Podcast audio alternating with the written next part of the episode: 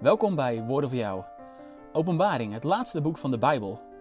Een boek wat lastig is, maar waarbij we ons ook af moeten vragen: wat wil de Heer daarmee tot ons zeggen? Daar wil ik met jullie naar luisteren, ook in deze aflevering.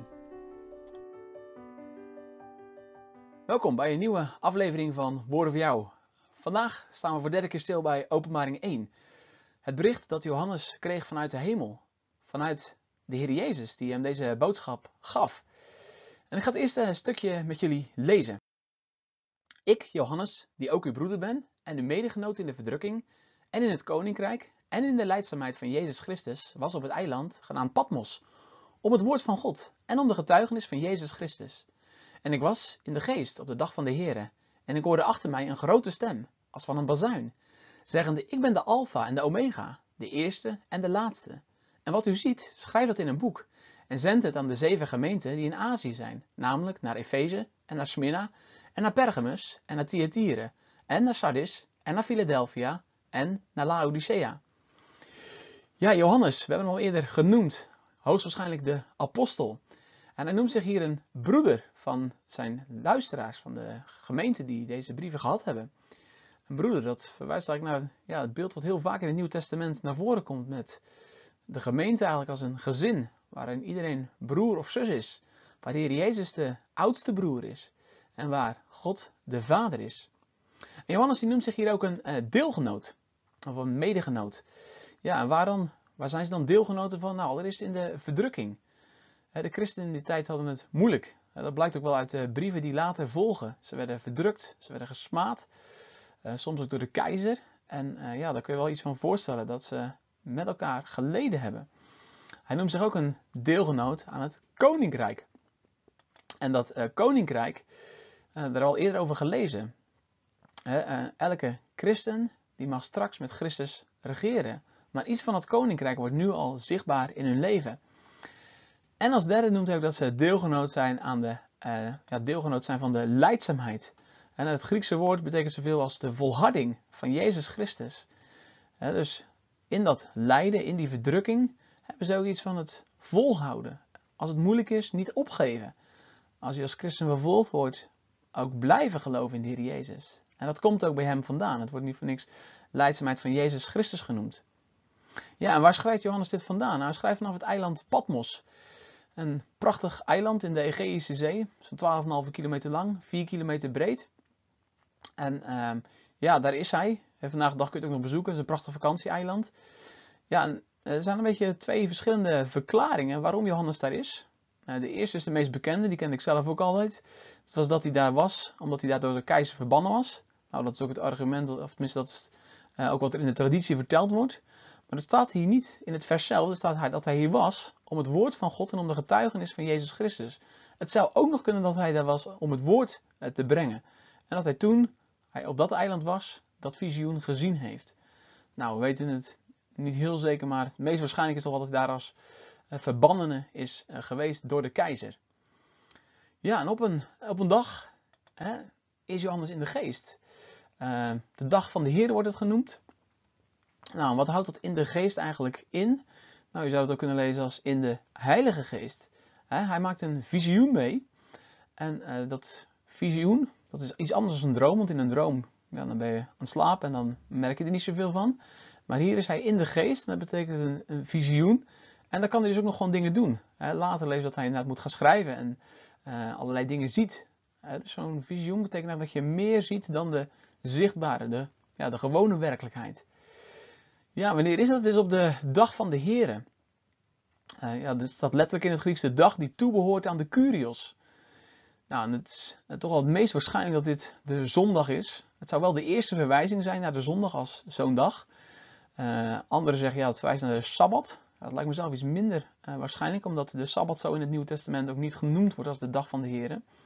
En het is wel een uh, term die heel erg voorkomt uit het Oude Testament. want daar wordt heel vaak gesproken over de dag van de Heer. En dat is de dag eigenlijk van de, ja, van de komst, van het oordeel van God. dus zo zou je dus heeft wel iets met het einde van de tijd te maken, die dag van de Heer.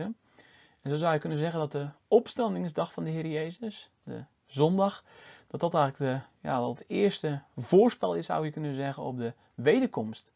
Als je wil denken dat hier Jezus is opgestaan, dan zal iedereen opstaan. zo vormt eigenlijk die opstandingsdag een begin eigenlijk van de, van de eindtijd. En ehm, ja, op die dag is Johannes dus in een, een, visioen. En plotseling hoort hij achter zich een, een grote stem als van een bazuin. Ja, waar moet je dan aan uh, denken? Nou, dat is een beetje uh, denken aan uh, Exodus. Want daar komt die tekst namelijk ook voor.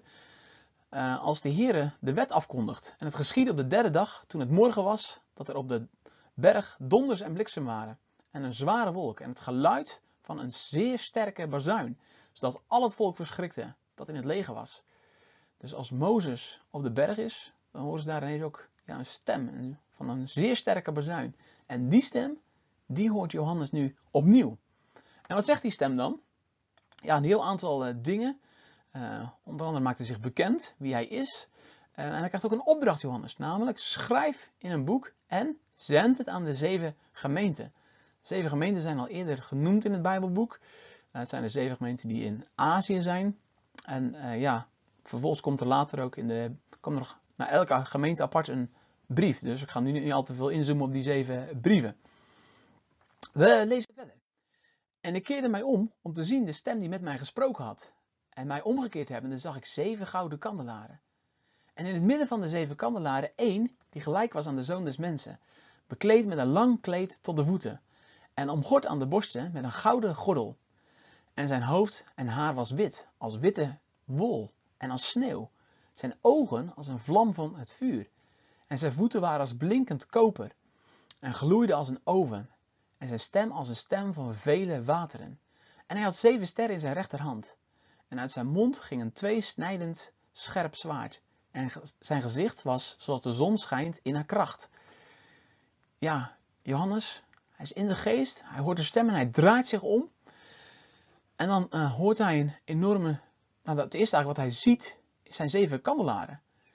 Ja, en daarvoor heb ik uh, de tekst uit, uh, laat ik de tekst uit vers 20 alvast zien, want die verklaart namelijk wat die zeven kandelaren zijn. De verborgenheid van de zeven sterren die u gezien hebt in mijn rechterhand en de zeven gouden kandelaren. De zeven sterren zijn de zeven engelen van de zeven gemeenten en de zeven kandelaren die u gezien hebt zijn de zeven gemeenten. Dus Johannes ziet iemand die staat in het midden van zeven gouden kandelaren. Nou, dat doet denken aan de tempel, waar ook een tenminste eerst in de tabernakel stond een gouden kandelaar met zeven armen, ook weer het getal zeven. En later wordt er in de Bijbel gesproken over de kandelaren, tien kandelaren, die uh, Salomo gemaakt heeft. Dus daar zie je ook weer dat dat beeld van kandelaren vaker voorkomt, ook vanuit het Oude Testament. Maar daar valt de aandacht niet om. Want het gaat om degene die in het midden staat. Hè, wordt als één. En die staat in het midden van de zeven kandelaren. Christus die in het midden staat van de zeven gemeentes. Ik vind het echt een heel mooi beeld. Want Christus heeft zelf ook beloofd dat hij met zijn gemeente zal zijn tot aan het einde der tijden. En wat een troostvol beeld zien we hier. Christus die ja, wandelt midden of staat midden van zijn gemeente. Hij zorgt voor zijn kerk totdat hij uh, terugkomt. Er wordt een heel aantal dingen van hem uh, beschreven. Uh, hij wordt eerst als ja, de zoon des mensen genoemd. Een beeld van zijn heerlijkheid. Wat ook voorkomt in het boek Daniel. Hij uh, heeft allerlei kledingstukken aan. Het eerste waarover gesproken wordt is een lang kleed. Probeer het ook even voor je te zien. He, Christus die daar staat met een lang kleed aan tot zijn voeten. Uh, het lijkt een beetje op een, op een priester, zo'n priesterlijk wit kleed. Of een koninklijk kleed. En rond de borst heeft hij een gouden gordel. Het straalt allemaal waardigheid en heerlijkheid uit. Uh, en dan zijn hoofd heeft ja, wit haar. En dan niet zomaar wit, maar heel ja, mooi, prachtig mooi uh, wit. Um, zijn ogen vlammen als vuur. Uh, dus er staat ook iets van macht uit en van majesteit. Uh, we hebben niet met een soort van vriendelijke oude man, maar iemand die echt kracht en macht uitstaat. Zijn voeten waren als blinkend koper, ook heel, heel kostbaar. straalt ook weer iets van koninklijke waardigheid uit. En dan zijn stem als van vele wateren. Johannes die staat natuurlijk op dat eiland. Ja, en daar heeft gewoon continu die zee ook omheen gehoord. En daar overheen zou je kunnen zeggen, hoor je het geluid van die, van die stem. Ja, en dan in zijn hand, hè, daar zijn zeven sterren. Net hebben we het al gelezen, het vers 20. Hè, dat zijn de zeven engelen van de gemeente. Nou, daar komen we volgende keer nog wat verder op terug, wat dan die zeven engelen precies inhoudt. Wie die engelen dan precies zijn, want er, wordt verschillend over gedacht. Maar hij houdt zijn in zijn handen. Nou, ik ga er zelf vaak vanuit dat die engelen de, ja, de leiders van de gemeenschap, de, ja, je zou kunnen zeggen de dominee, uh, de boodschapper van de heren van die gemeente, die houdt hij in zijn hand, in zijn rechterhand. En um, uit zijn mond gaat ook een tweesnijdend scherp zwaard. Ja, dat slaat over iets van die majesteit, koninklijke majesteit die hij uitstraalt. En zo zie je hem daar staan, te midden van die zeven gemeentes. En dan als laatste wordt er gezegd over ja, zijn uitstraling. Zijn gezicht straalde als de zon. Nou, ik weet niet of je overdag wel eens geprobeerd om in de zon te kijken. Dat moet je niet proberen, want dan uh, kun je blind raken. maar dat laat zien inderdaad, die, die heerlijkheid van de Heer Jezus, die is zo ontzettend groot. Hè, dat je er eigenlijk niet in kan kijken. En dat lezen we ook in Johannes' reactie. We lezen verder. En toen ik hem zag, viel ik als dood aan zijn voeten. En hij legde zijn rechterhand op mij, zeggende tot mij: Vrees niet, ik ben de eerste en de laatste, en die leef. En ik ben dood geweest. En zie, ik ben levend in alle eeuwigheid. Amen. En ik heb de sleutels van de hel en van de dood. Schrijf wat u gezien hebt, en wat is, en wat geschieden zal na deze. De verborgenheid van de zeven sterren die u gezien hebt in mijn rechterhand, en de zeven gouden kandelaren. De zeven sterren zijn de, zeven, zijn de engelen van de zeven gemeenten. En de zeven kandelaren die u gezien hebt zijn de zeven gemeenten.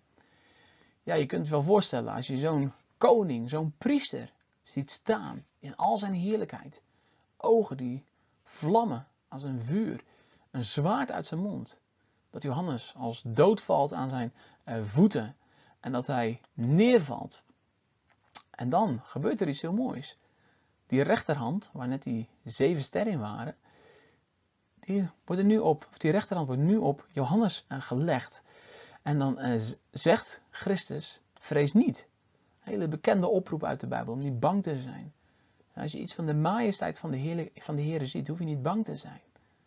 want Hij leeft. En dat is ook wat Hij ja, benadrukt. Ik ben de eerste en de laatste. Ik sta aan het begin en aan het einde. Aan het begin en het einde van deze wereld. Aan het begin en het einde van jouw leven. Ik leef. Ik ben wel dood geweest. Maar ik ben levend nu. En ik ben levend in alle eeuwigheid. Ik zal altijd leven. En wat er ook gebeurt in deze wereld, wordt benadrukt ook met een amen. En dan wordt er ook iets gezegd over, ik heb de, zegt Christus ook, ik heb de sleutels van de hel en van de dood. Uh, in het Oude Testament werden de dood en het dodenrijk, of um, de hel, werden vaak uh, ja, gezien als aparte ruimtes. En Christus heeft de sleutels. Hij heeft ze opengemaakt. De dood heeft niet het laatste woord. Christus heeft overwonnen. Hij leeft. Ja, en dan wordt Johannes eigenlijk weer ja, opgetild. Hij, uh, hij wordt weer opgeroepen om te gaan schrijven. Hij moet gaan opschrijven wat hij gezien heeft. En wat er zal gebeuren. En dat is ook wat hij gedaan heeft. Vandaar dat wij ook dit prachtige Bijbelboek hebben.